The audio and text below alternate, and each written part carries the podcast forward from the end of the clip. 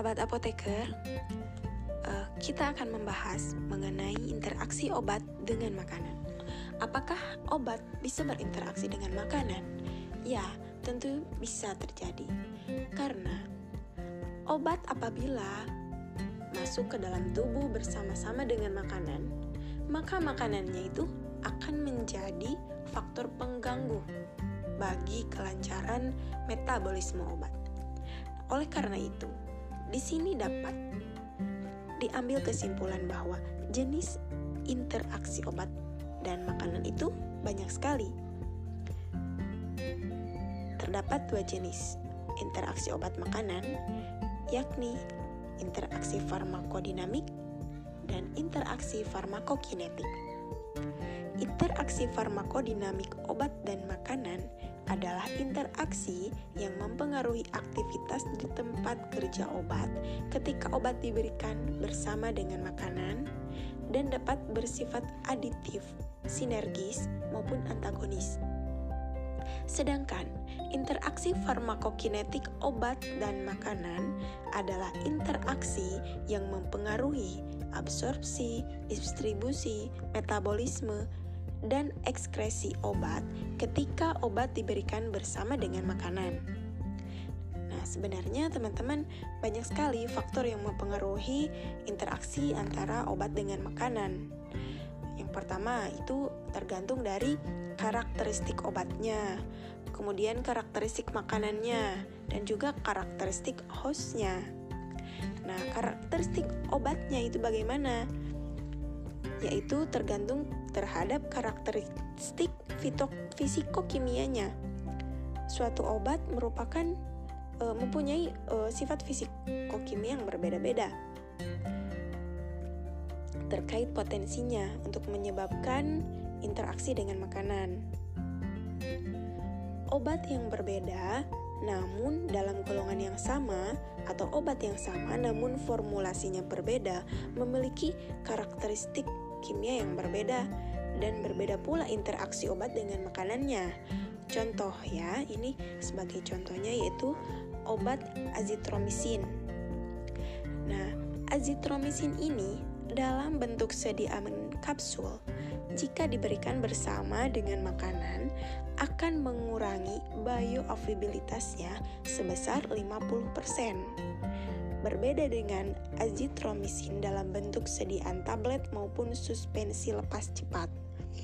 Hal ini disebabkan karena pemberian azitromisin kapsul pada kondisi lambung yang terisi makanan menyebabkan disintegrasinya menjadi lambat atau tertunda sehingga azitromisin terpapar asam lambung lebih lama kontak antara azitromisin dan asam lambung yang lebih lama ini menyebabkan azitromisin terdegradasi menjadi deskladinos azitromisin atau DCA sehingga bioavailabilitasnya menurun.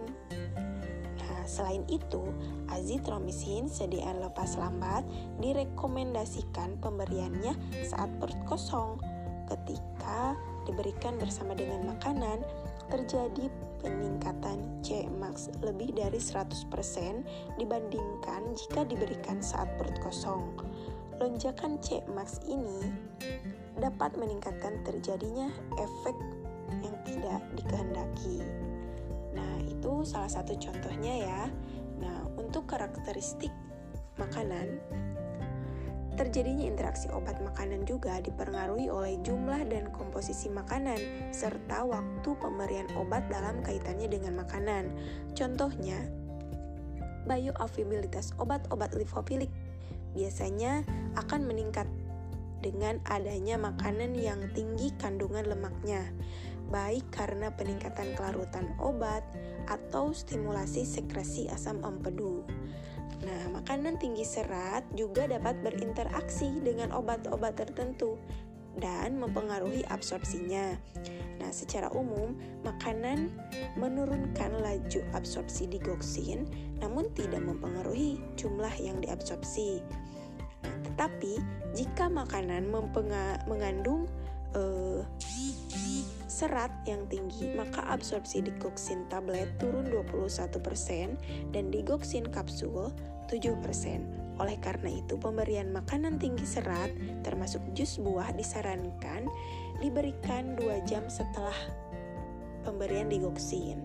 Nah, kemudian yang ketiga, tergantung karakteristik host ya. Karakteristik pasien ikut menentukan interaksi obat dengan makanan. Misalnya, pada interaksi yang melibatkan enzim P metabolisme obat 450,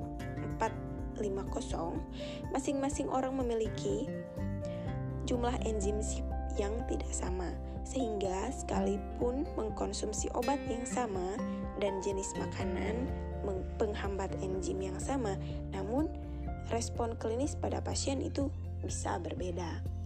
Nah, sampai sini eh, paham kan teman-teman bahwa interaksi obat makanan itu memang jelas ada gitu. Nah, tetapi ini juga dipengaruhi oleh tiga faktor. Yang pertama, oleh karakteristik obatnya, yang kedua, oleh karakteristik makanannya, dan yang ketiga, oleh karakteristik hostnya. Nah, oleh karena itu, supaya pengobatan kita maksimal, optimal, kita harus e, berkonsultasi dulu dengan tenaga medis untuk pengobatannya. Terutama kepada apoteker karena e, ini interaksi obat dengan makanan inilah yang dapat menentukan keberhasilan terapi pengobatan kita. Ya, terima kasih. Semoga membantu untuk episode pertama ini. Terima kasih.